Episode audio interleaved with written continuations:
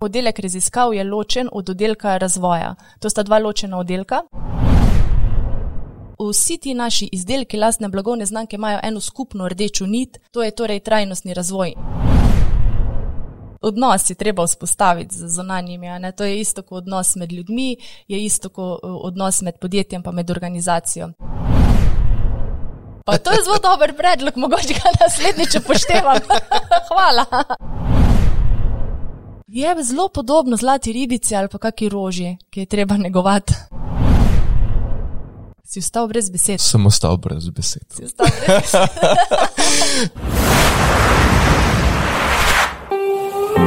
Dobrodošli v Gravitaciji, podkastu, v katerem ideje ne padajo daleč od drevesa.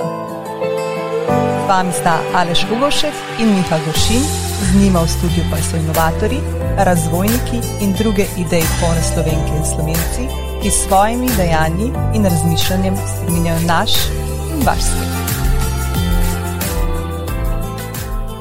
Dobro jutro, dobro dan ali dobro večer in lepo pozdravljeni za računalnikom, na poti v avtu, med kuhanjem ali morda slušalkami v ušesih, med sprehodom ali tekom, ter dobrodošli v novi epizodi podcasta Gravitacija, v kateri pa z Miho gostiva Branko Viltužnik iz podjetja Plastika Skaza. Preden pa skočimo v vsebino, vas z Miho vse lepo povabiva na posebno mednarodno inovacijsko konferenco, takšnih v Sloveniji ni in jih ne bo veliko. Panevropski inovacijski ekosistem, kje smo in kam gremo, ki bo 1. julija od 9. ure naprej na GZS in tudi preko spleta. Vse informacije, program z gosti in prijave najdete na spletni strani inovacije.gzs.si/slash dogodki. Z Branko bomo danes pogledali globoko v njihov inovacijski stroj, ki mi temelji na odprtem inoviranju. Govorili bomo o tem, kako so se v skazi razvojno in in inovacijsko organizirali, kako inovirajo in kako financirajo razvoj. Kako težko je razvijati in inovirati, ko je trajnost glavna prioriteta in s kom vse v razvojnih in inovacijskih procesih sodelujejo. In kot rečeno, je danes z nama v studiu Branka Viltužnik. Branka, dobrodošla. Ja, hvala, živijo. Kako si, povej? Ja, super, sem, sploh si štejem v čas, da ste me povabili v svojo družbo, glede na pretekle goste. Tako da hvala. Z veseljem sva te povabila in z veseljem te gostiva dovoli, da te predstavim v nekaj besedah v odstavku. Torej, Branka je doktorica z področja nanotehnologij, ki je diplomirala iz ekotekstilnega inženirstva na Mariborski fakulteti za strojništvo, v podjetju Plastika Skaza pa vodi oddelek raziskav in inovacij kjer skrbi za razvoj ter karakterizacijo novih naprednih trajnostnih materialov. Usporedno sodelavci razvija in upeljuje tudi nove napredne tehnologije, kot so strojni vid, umetna inteligenca, veriženje podatkovnih blokov, uhu in še kaj. Vodi in implementira zahtevne rešitve v skladu s koncepti industrije 4.0, v sklopu katere v podjetju razvijajo nove inteligentne senzorske sisteme za plastične izdelke. Sicer pa je Branka Korošica, žena in mati dveh deklic, nominiranka za inženirko leta 2020, ljubiteljica narave in oseba s strastjo do raziskovanja in laboratorijev, ki je ne rada ujeta v kalupe. Branka, a vse drži? Vse drži. A bi še karkoli dodala? Ja, za dodati je zelo velik, ja, ampak uh, načeloma si vse povzel. Dobro, ampak še bomo šli globje, globje bomo šli. Miha, si postoko, Branko? Veš, da. Postokal sem, uh, iskal sem je na Pinterestu, Instagramu, uh, Facebooku, YouTube, vse. Največ, kar sem našel na Facebooku, je bilo, recimo, odkje si se logirala iz različnih držav, pa letnico. Tako da nič kaj tazga ni bilo na spletu, ampak sem pa pa našel en intervju s tabo. Pa sem našel ene zanimive stvari in v enem intervjuju si povedala, da si raziskovala tako v službi kot doma. Ne?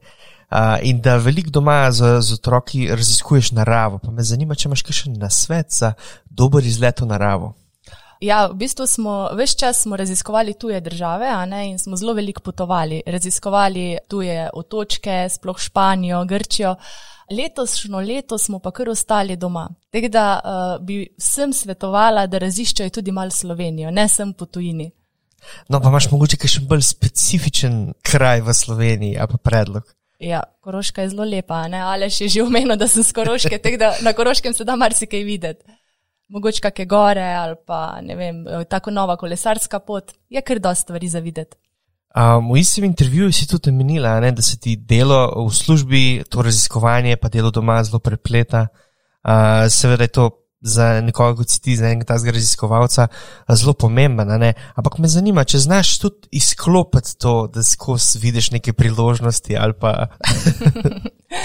Ja, sej dejansko službo znam izklopiti. Uh, ko prijem domov, sem tako okupirana, da niti nimam časa razmišljati o čem drugem. Ampak tam doma pa potem vidim druge priložnosti, kaj treba prebeliti, recimo, kje bi se kaj dozidalo. Tako da dejansko tega ne znam izklopiti. Branka, kdo realizira te priložnosti? Ti ali mož? ja, jaz sem bolj inovator, kar realizator je pa drug. no, no, no, to me je zanimalo. Ja, ja. Ali si že omenil, ne, da upeljuješ neke napredne tehnologije, kot so tudi tehnologije verižnih podatkov in tako naprej, blockchainu? Uh -huh. Oba naj je zanimal, kateri je tvoj najljubši blockchain projekt, oziroma če posplošimo, je to kakšna kriptovaluta ali pa kaj tasga. Na kriptovalute se ne spoznam. Kar se pa blockchaina tiče, smo ga pa mi upeljali gliz za to, da podkrepimo ta naš trajnostni razvoj in da pač postanemo bolj transparentni do naših kupcev. A lahko, Branka, konkretno poveš, na kak način ste upeljali blockchain? Mislim, kaj to pomeni, ker to pa res ni prisotno. Ja, v bistvu zdaj ga šele upeljujemo, zdaj ta projekt teče, tek da blockchain je že v nastajanju. Mi vse te naše podatke, ko jih dobimo v naših izdelkih, torej okoljski parametri, ki so, želimo dati v blockchain, zato da bo končni kupek cvedel, da so ti podatki res transparentni, da so pravi podatki in da si ne mi kar neki namišljujemo. A se to nanaša mogoče na material samo ali na cel produkt? Na cel produkt, v bistvu na celo pot produkta, od materijala pa do končnega produkta. Zdaj te že masirava. Ja. Ampak vseeno, a je kakšna konkretna platforma, na kateri delujete, ne vem, Ethereum, karkoli drugega? To razvijamo tekom projekta, tako da bo čist razvito za nas. Ko sem te raziskoval, se mi zdelo pa tako nekaj zelo zanimivega, kar sem te hotel vprašati. V bistvu to, da rekel si, da je eno od največjih izzivov bil zate to, da si se kot inženirka zelo fokusirala na sam problem. Ne? Pa da zdaj razumeš, da je tudi pač se treba fokusirati na samega kupca, pa kaj je benefit za njega, kaj so prednosti direkt za njega. Ne? Ampak kako si prišel do tega uvida? A te kdo na to upozoril, ste imeli mogoče kakšno interno delavnico, kakšno metodo? Ja, v bistvu smo zadnji dve leti kar dosti delali na tem in smo se povezali eh, konkretno pač jaz, ko vodim raziskave, eh, potem direktor razvoja in pa kreativni direktor, ki skrbi za naše kupce, ki skrbi za naše produkte. In ko smo začeli malo bolj sodelovati, eh, smo videli, da moramo v bistvu vsi razmišljati tako o končnem kupcu, kot tudi potem marketing oziroma prodaja mora razmišljati tudi o tehnologiji. Pač tekom tega procesa smo potem prišli do tega, da moramo tudi mi, uh, inženirji, razmišljati o končnem kupcu, pa kaj sploh on želi.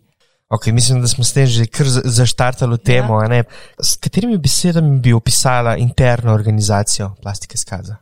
Uh, jaz mislim, da smo mi kar dosta agilni. No? Po eni strani imamo kar dorečene te procese, uh, se imamo upeljane veliko teh ISO standardov, ki nas zavezujejo. Po drugi strani pa ti interni procesi morajo biti definirani, že zaradi tega, da vsak oddelek recimo ve, kaj je njegova odgovornost in v končni fazi tudi zaposleni vejo, kaj so njihove odgovornosti. Uh, vseeno se mi pa zdi, da smo dosta gilni, da se kar spreminjamo uh, glede na strategijo. Niti ne toliko glede na trende, ne, ki so, ali pa da bi recimo uh, gledali, kaj pač, kakšne oddelke ali pa kakšne procese imajo drugi, ampak bolj glede na to, da podpiramo lastno strategijo v podjetju, se potem tudi organizacija spreminja. Zdaj, področje raziskave, razvoja in inovacij v podjetju ima zelo pomembno vlogo. Uh -huh. uh, niso pa te vsebine silosno pletene v en oddelek, ampak ste stvari zastavili mogoče drugače. Zdaj si začela si že razlagati, ali lahko pišeš, kako poteka sam razvoj in različne stopne. Uh, ja, pri nas imamo kar zelo specifično. Recimo, oddelek raziskav je ločen od oddelka razvoja. To sta dva ločena oddelka in vsak skrbi za svoj del, smo pa zelo, zelo povezani. In poleg tega, da smo med sabo povezani, smo povezani tudi s kreativnim oddelkom. In recimo, kreativni oddelek je nosilec design managementa, je nosilec novih produktov, mi, mi pa sodelujemo zraven pri tem procesu. Tako da imamo zelo specifično in pač mi recimo tudi delamo po TRL lestvici, kjer recimo naš oddelek skrbi od eh, TRL1 pa do nekje TRL6. Za določene inovacije recimo pa tudi skrbimo do konca. Odvisno tudi za kako temo gre, pa koliko smo recimo strokovno upleteni. Če gre za neke stvari, ki se lažje opeljajo, potem to predamo. Če pa gre za res neke novitete, pa skrbimo do, za to stvar za ta projekt do konca, do TRL9. No in če zdaj pogledamo celoten ta inovacijski proces, kakšne metode ali pa kakšno glavno metodo uporabljate? Za inoviranje. Za inoviranje, za razvoj, je to design thinking. Uh, ja, design thinking. Ja, uporabljamo to metodo s tem, da imamo mal prilagojeno glede na naše že obstoječe procese. Tako da mi se recimo vključujemo na določenih delih, recimo naš oddelek raziskav in smo tudi podpora recimo design uh, thinkingu.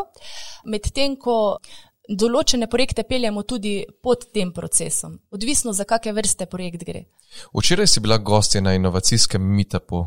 Za intermezzo povem, da naslednji inovacijski meetup bo že v juliju, torej vsi lepo povabljeni. In Branka, včeraj si izpostavila, da ste dve leti upeljevali, pa če temu rečeva design thinking oziroma design management, lahko pišeš to zgodbo, to pot, kako ste upeljevali, s kom ste upeljevali, zakaj niste sami uspeli, to si včeraj izpostavila. Ja, v bistvu smo začeli že kar ene štiri leta nazaj in na začetku smo se vključili v ta kompetenčni center uh, za design thinking 2.0 in smo. Uh, KCDM. KCDM, ja.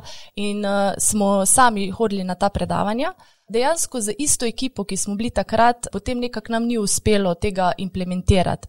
Bila je na eni strani teorija, na drugi strani pa, potem, uh, so bili pa interni procesi. In potem nam je zunanji partner pomagal pri tem, da smo te procese notranje že obstoječe v plastiki skaza in pa ta uh, novi proces združili in da zdaj dejansko živimo ta proces in da delamo po njem. No. Kako pa potem financirate vse te razvojne in inovacijske dejavnosti, aktivnosti? Kak je ta poslovni model? Ja, nekaj je lastnih sredstev, mislim, kar dosti je lastnih sredstev, kjer se pa da, pa tudi pridobimo EU sredstva. Oziroma, nekaj časa zdaj smo prijavljali na domače eh, te projekte, ampak žal smo presegli velikost podjetja, tako da zdaj se bolj uh, prijavljamo v tujino in če dobimo sredstva za recimo te projekte, je to dobrodošlo.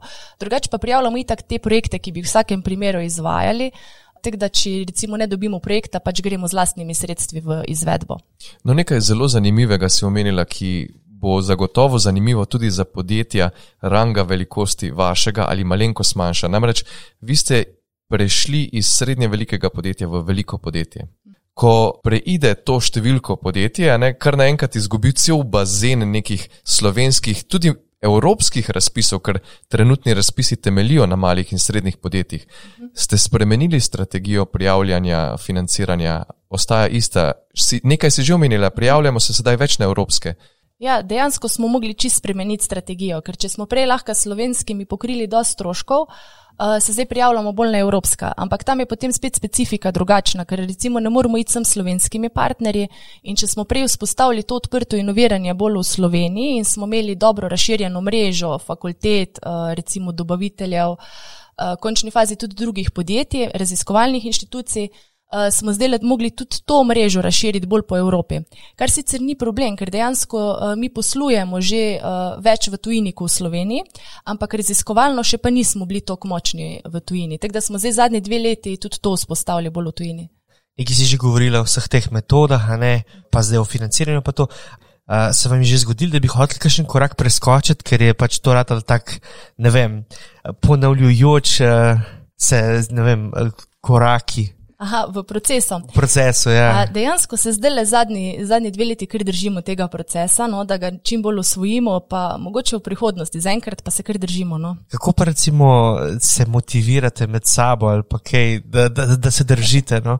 Mislim, da je to dosta težko, ko ene, dvakrat, trikrat greš skozi to dejansko smo potem vključeni, več ljudi nas je vključenih in uh, drug drugega motiviramo pri tem, da ne preskočimo, ampak se vseeno držimo časovnice. Sploh recimo, če kdaj je mogoče kakšna stvar vmes mal zamuja. Ali pa recimo, če bi mogel material že biti uh, razvit, pa še ni, recimo, uh, in je s tem ogrožen, recimo, datum lansiranja izdelka, uh, vseeno se potem držimo datumov uh, za naprej in pogledamo, kaj lahko naredimo, da vseeno pospešimo, pa da vseeno gremo lepo po korakih, tako je treba. In ker nas je toliko vključenih, plus tega, da je vključen tudi direktor potem pri teh eh, glavnih mejnikih, mislim, da se kar nek red je vzpostavljen. Ste pa, Branka, vi v plastiki izkaza naredili še en zelo, zelo pomemben preskok pred leti.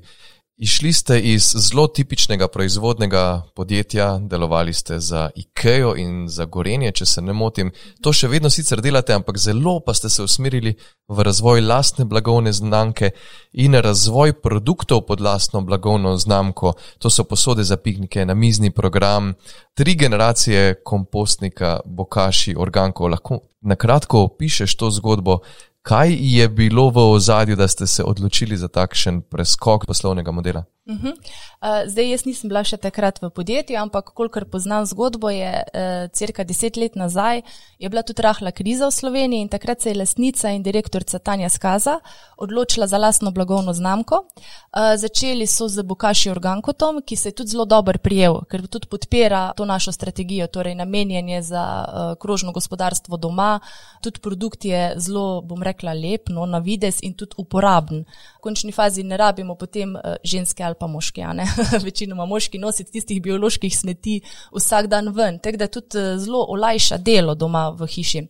In se je produkt zelo dobro prijel, in tako se je potem nadaljevalo na generacijo 2, ki je še malo bolj dizajnersko dovršena, in pa potem na to posodo, ki tudi podpira v bistvu to trajnostno strategijo. Zaradi tega, ker ti lončki so tudi za večkratno uporabo.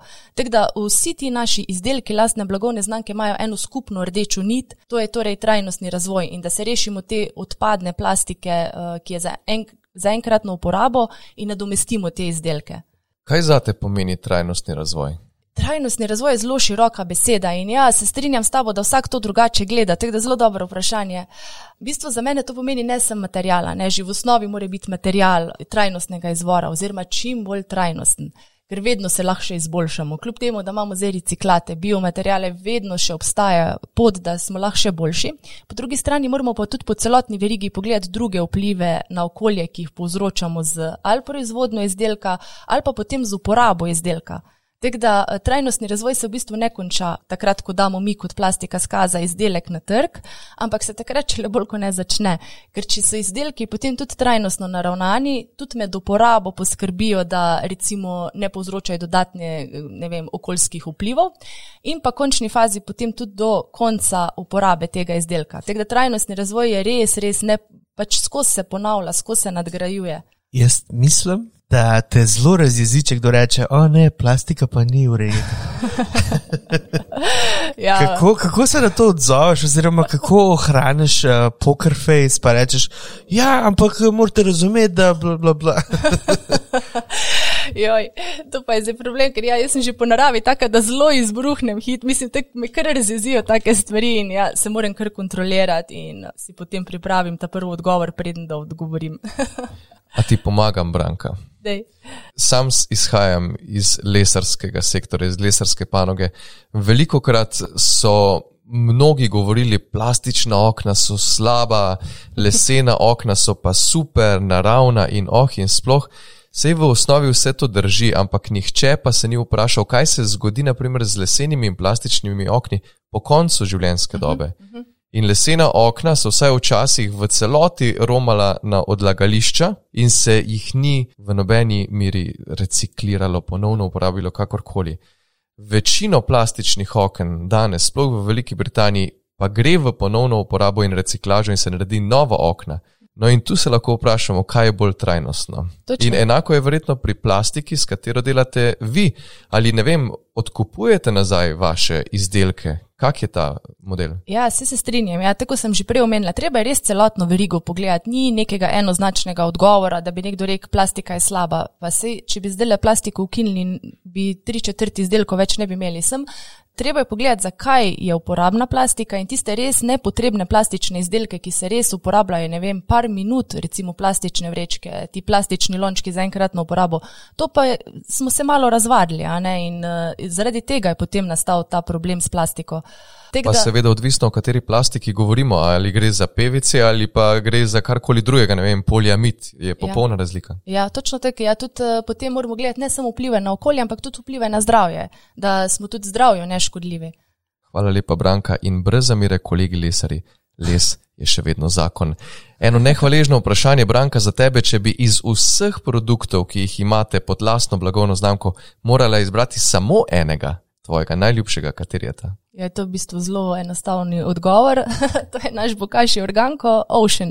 Zaradi tega, ker v bistvu, tako sem že prej povedala, no to je res izdelek, eh, jaz živim ta izdelek in s tem izdelkom eh, ne sem tega doma uporabljam, nimam, jih več v bistvu. Tudi v službi večji del raziskav in uh, teh testiranj pa to namenimo prav bokaši organko. Ker tukaj je zelo kompleksna zgodba, vključeni so tudi mikroorganizmi in to je še tako neodkrit svet, da me vedno znova nadušuje. No, pa poglejmo zdaj na primeru Bokaši Organka Ocean. Kako težko je razvijati, inovirati izdelek, ki ima v prvi vrsti prioriteto trajnost? Verjetno je to precej bolj zahtevno, kot pa če v prvi vrsti gledaš na ceno materijalov.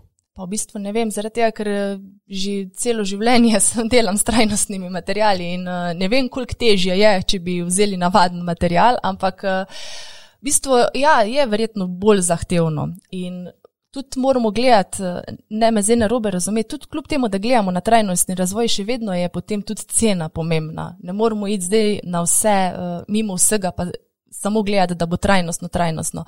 Pa tudi v končni fazi, uh, tako sem prej rekla, recimo, če uvajamo neke reciklate, to ni nujno, da tega ne moramo še izboljšati, recimo, in cenovno, in iz vidika okoljskega vpliva, pa še boljšega, bolj kakovostnega materijala. Ampak eh, takšen razvoj gotovo ne more potekati na nek zaprt način, ne? ampak zelo odprto. Kako ste razvijali tako na ta odprt način?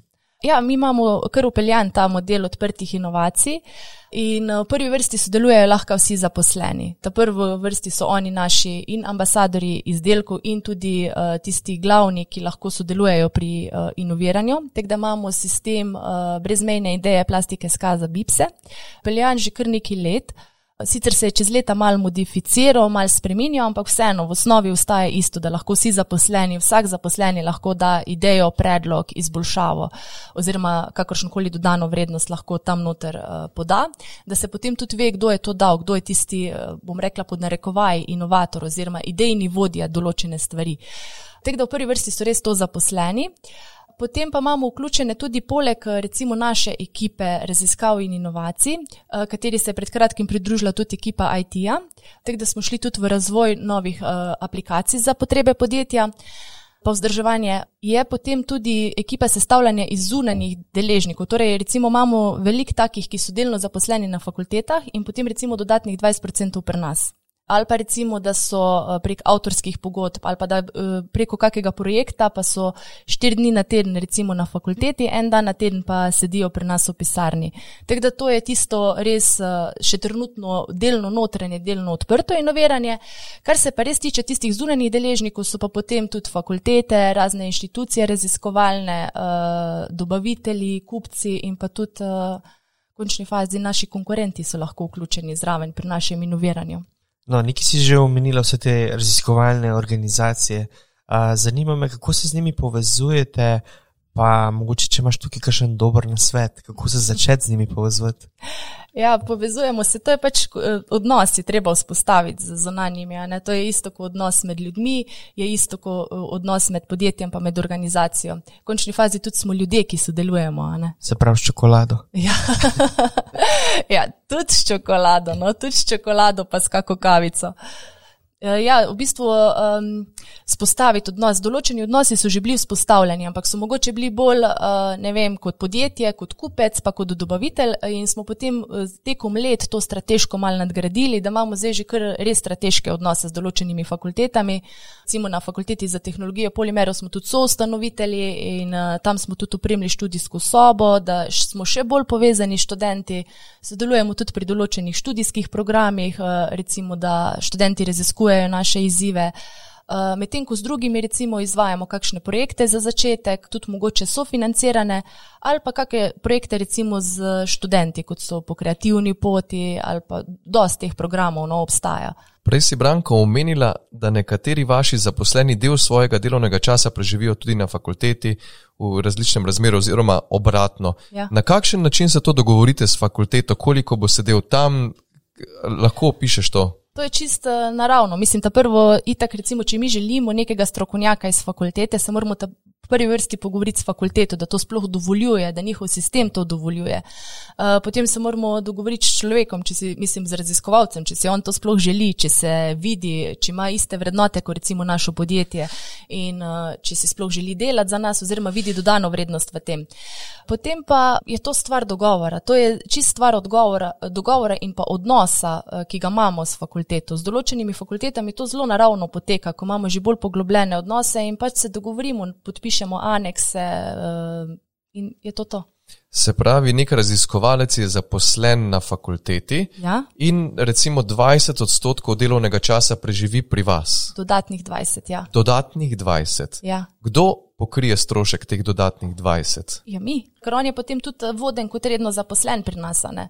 Odlično. Sicer samo za 20%, ampak je uh, pri nas. In recimo tudi, če gre za primer, da, gre, da smo preko kakega projekta in je ta oseba, recimo ta raziskovalka, konkretno pri nas zaposlena na fakulteti, je potem v projektu definirano, da je en dan na teden recimo v plastiki skaza, v tem primeru pa potem strošek gre iz projekta.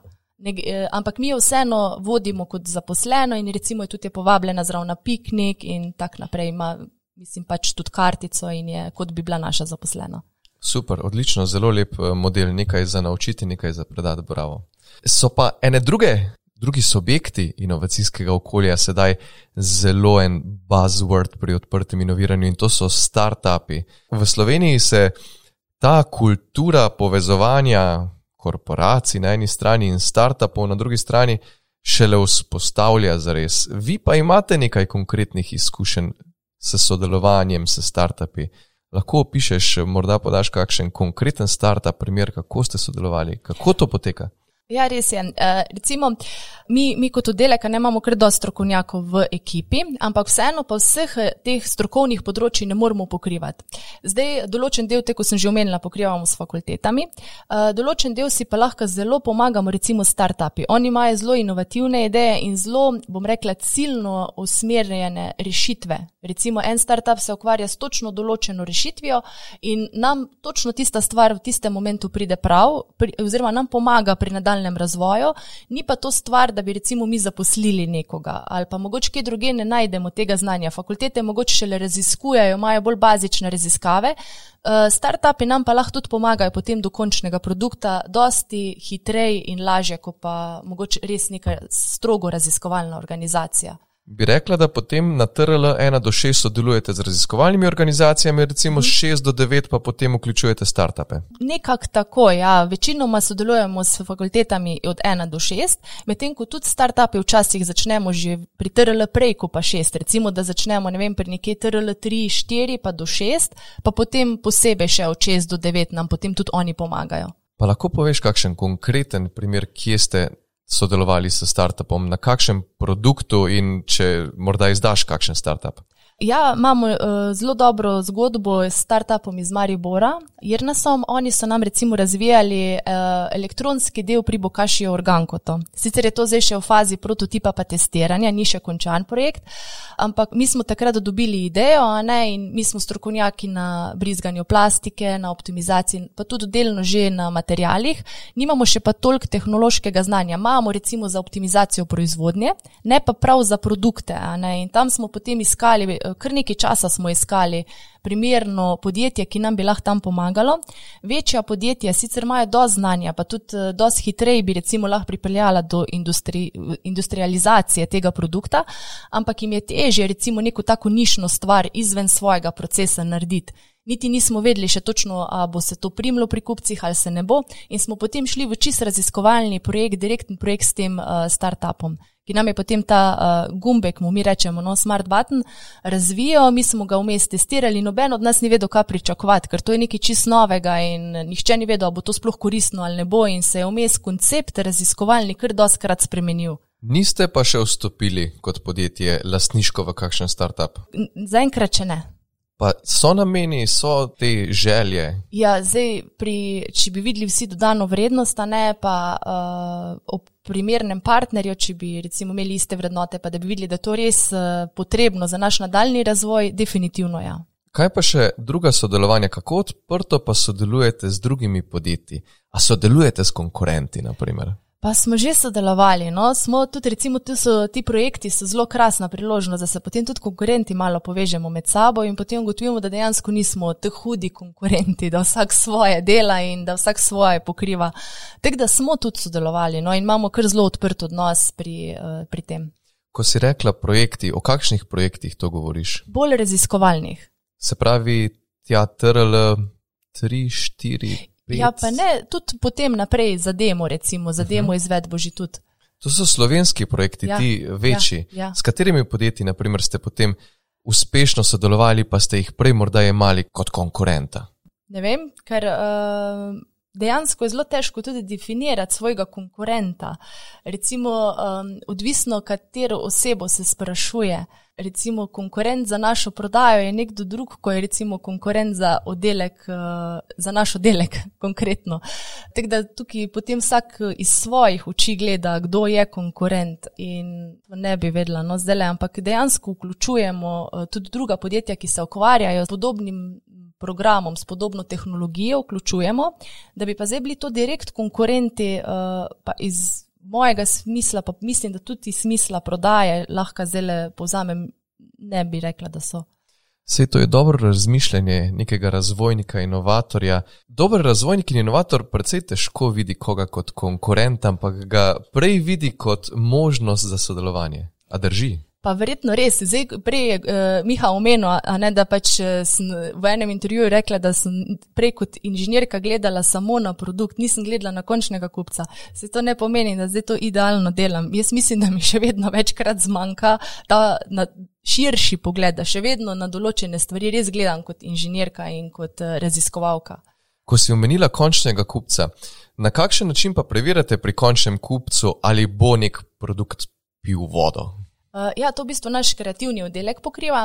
Oni recimo imajo svojo bazo uh, kupcev, imajo tudi svojo bazo distributerjev. In recimo, ko imamo nek nov izdelek, ga ta prvo predstavijo distributerjem in potem oni podajo res konkretne predloge. Potem se izvajajo recimo delavnice z našimi um, uporabniki, ne, ker ta bokaši organko svet je zelo zahteven in tukaj imamo gor na severu recimo Švedska, imamo zelo zauzete kupce ki imajo doma recimo po več izdelkov in se tega zelo, zelo resno lotijo in se tudi zelo poglobijo v sam proces, kako to izvajati in potem tudi naš marketing oziroma kreativni oddelek no, eh, s temi res zauzetimi našimi uporabniki upravlja določene delavnice, jih intervjuja in jim v končni fazi tudi pokaže naše nove izdelke že vnaprej. Bokaši organko in tudi Ocean si že večkrat omenil ja. danes. Prosim, povej, kaj je zgodba za Oceanom? Ja, to je bila v bistvu sprememba materijala na že obstoječem produktu in uh, smo uh, se že v bistvu dve leti nazaj tega lotili, ampak je bilo zelo težko priti do materijala, glede na to, koliko je smeti ob obali in kako je to res opevana problematika. Je potem, ko se nekdo to resno loti, da bi materijal uh, našel kot alternativo, da bi kakršen koli materijal sploh dobili v podjetje, je to veliko večja težava, kot pa bi si človek mislil. Ker v končni fazi so neki taki nišni um, proizvajalci, ki to pač pobirajo, tiste smeti in v nekih majhnih količinah to prodajajo in imajo že večinoma svoje kupce na drugi strani. Tako da je bil kar velik izziv, da smo dobili material, pol, pol naprej tisti razvoj je šel pa zelo hitro pri nas. No, ta material pa je? To je poliamid iz uh, odpadnih ribiških mrež. No, to, to je A, srčica ja. zgodbe. Ja. Dolgo sem moral odrezati od tebe, da sem izvlekel to srčico. Ja, ker sem se spet tam v tisti bolj raziskovalni del nisem. si, si manj prodajnica, ja, pozna, pozna se ti. Ja. Res nisem prodajnica, čeprav sem se dost priučila zadnja leta, ampak še vedno mi veliko manjka. Ja. Povej, Branka, A pa ste se zgledovali mogoče v tej zgodbi tudi po akvafilu ali ste morda sodelovali celo z akvafilom? Ja, e, nismo se ravno zgledovali, ampak e, smo zdaj tudi zadnjo, zadnje pol leta recimo vzpostavili sodelovanje z njimi, da bi mogoče z njimi šli v to. Branka, eno vprašanje še samo. To me pa zanima. Verjetno zaposluješ koga? Si med v tisti skupini, ki zaposluje svoje? Si? Ja, sem, sem se, letos sem kar zaposlila. Ja. Ja. koga, koga najraje, kakšen kader najraje zaposliš pri sebi? Opiši tip osebe, Ja, uh, v bistvu mora biti raziskovalec po duši, ker drugače, uh, mislim, je težko delati v taki ekipi. Uh, vedno, vedno so nove stvari za raziskovati, uh, nikoli ni, uh, en dan ni enak drugemu, bom rekla. No. In tudi, recimo, če ta teden raziskujemo nekaj na materijalih, bo naslednji teden še prišla kakšna priložnost, kjer še lahko dodatno kaj raziščemo. Tako da mora biti že v osnovi ne samo strokovnjak, ampak tudi raziskovalec po duši, pa predvsem timski človek.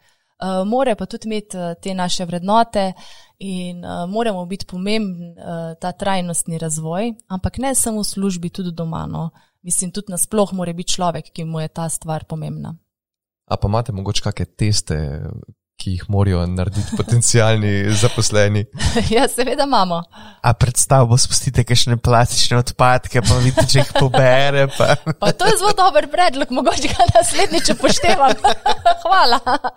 no, vidiš, pa si dobila, dobila nekaj.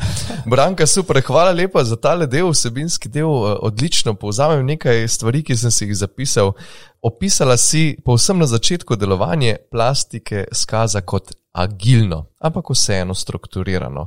Da imate raziskave ločene od razvoja, da v veliki meri pa tudi za razvoj, predvsem za tisti del s potencijalnimi in za uporabniki skrbi kreativni oddelek, da delate po tako imenovani TRL.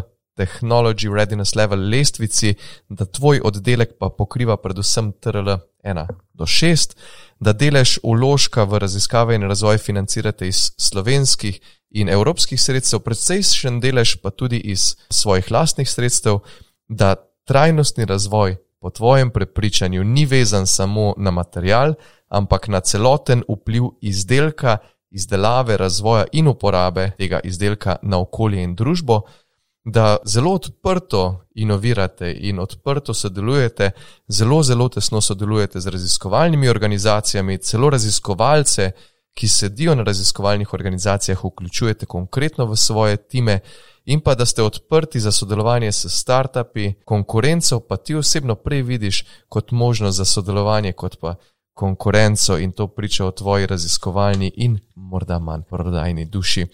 Nisi pa branka še na koncu, nikakor ne, še najbolj zanimiv del gravitacije pred tabo in to so trije izzivi od izziva do ideje. Ampak predno dobiš te izzive, uh, sledi še današnji uspešek. In sicer za današnji uspešek bi vam rad predstavil program za 3D načrtovanje in modeliranje, za katerega lahko dobite za 100 licenco za domačo uporabo. Gre za Autodeskov program Fusion 360, ki omogoča delanje načrtov in skic, modeliranje, modeliranje s površinami, parametrično modeliranje, freeform modeliranje, renderiranje, delanje sestavov, sodelovanje na projektih, tudi uh, neko omejeno simulacijo in še veliko več. Res vam predlagam, da si program pogledate. Kot sem že omenil, program lahko dobite za ston, s tem, da aktivirate letno hobi licenco. Mislim, da je to zelo dobra alternativa programom, kot so recimo SolidWorks, uh, Rhinoceros, uh, Inventor in podobno. Tako da vam priporočam, da si program vsaj pogledate. In to najdete, povezavo do tega, tudi v opisu tele epizode. Sedaj pa res. Prvi izziv ti je danes zastavila Ana Anžej, direktorica Saša Inkubatorja. Branka, pozdravljena. Dejstvo je, da se trendi gibljajo v smer odprtega inoviranja in da so najuspešnejša podjetja na Forbesovi lestvici tista, ki aktivno sodelujejo z zagonskimi podjetji. Glede na to, da je podjetje Skaza doma v Velenju, bi te prosila, če lahko postaviš tri konkretne izzive za zagonska podjetja iz Saša regije, ki bi vam lahko pomagali pri vašem odprtemu inoviranju. Aha, hvala za vprašanje.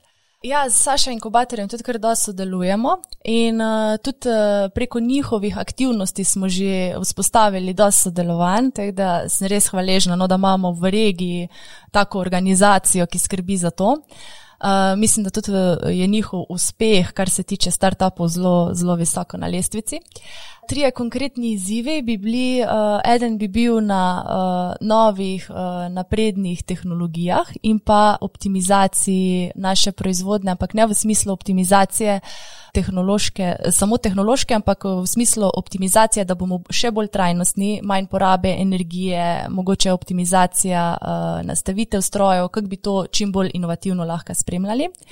Druga bi bila drugi izziv bi bil tehnološki za naš produkt Bokaši Organko, torej kako ga avtomatizirati. Tukaj, tukaj bi pustila kar proste roke uh, tem startupom, da razmišljajo, da najprej ugotovijo delovanje Bokaši Organko in pa namen, potem pa uh, predstavijo pač rešitve. Tretji izziv je pa na področju materijalov, kako še izboljšati ta okoljski odtis uh, naših uh, materijalov, ki jih že imamo v proizvodnji, oziroma razvoj novih materijalov. Branka, veš, da me prav zanima, kako bi avtomatizirali bokaši organko.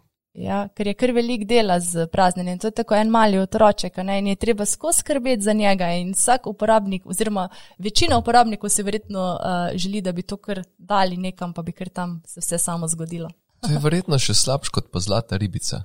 Je zelo podobno zlati ribici ali pa kakšni roži, ki je treba negovati. Ja, ko si otroci mislijo, bomo imeli zlato ribico, ja. se ne bo treba nič skrbeti za njo. Točno tako. uh, uh. Ok, super. Hvala lepa za te tri izzive. Evo, kolegi iz Saša Inkubatorja in startupi Saša regije, slišali ste, kakšne izzive imajo v skazi.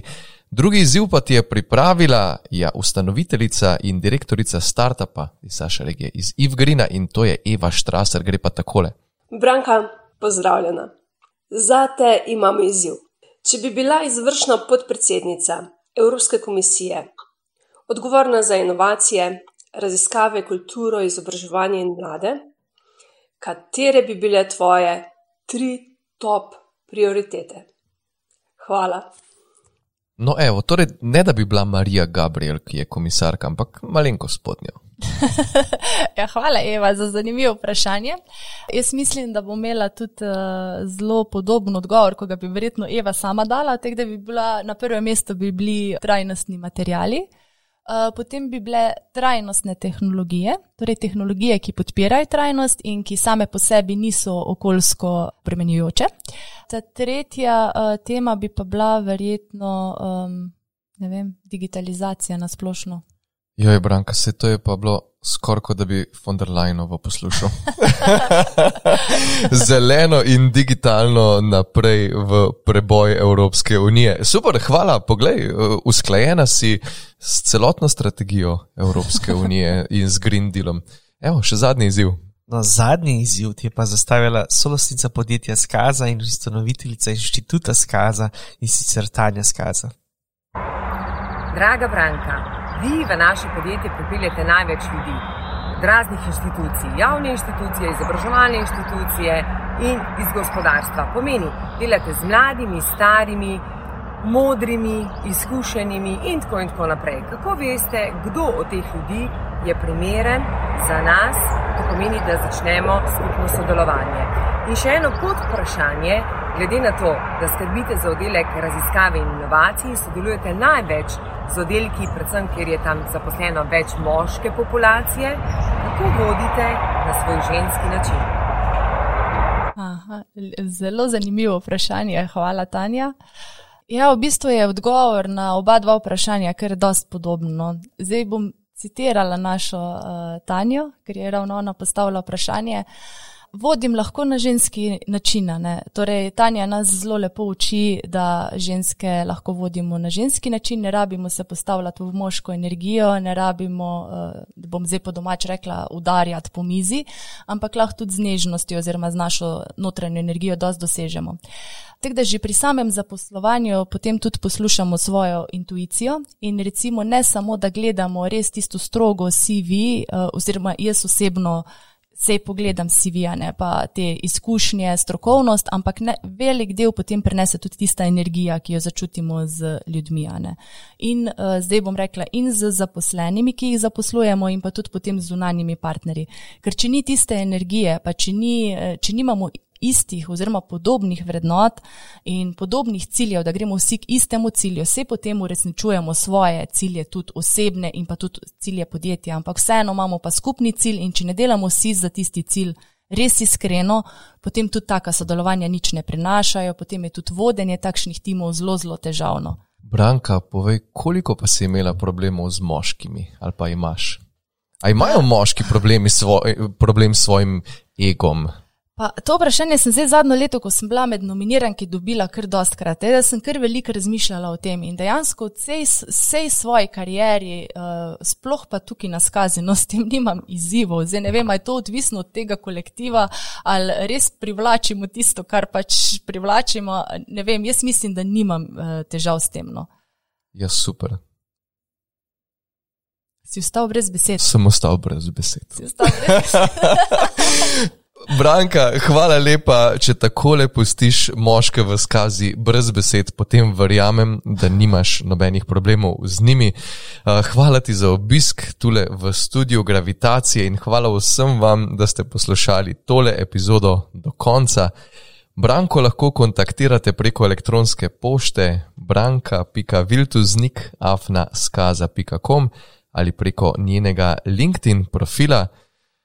Naslednja epizoda ki pa izjemoma izide v sredo 7. julija 2021 in ne v četrtek, pa bo posvečena letošnjim nagrajencem gospodarske zbornice za izjemne gospodarske dosežke, ki bodo sicer obelodanjeni večer predtem. Vse nagrajenke in nagrajence bo vas z Miho gostila v prav posebni epizodi, v kateri pa bodo tako imenovane gospodarske oskarje izzivali predstavniki podjetij, ki so v preteklih letih prejeli zlato nacionalno priznanje GZS za inovacije. Lep dan, Branka, tebi. Hvala, enako. In vsem ostalim in vse dobro. thank you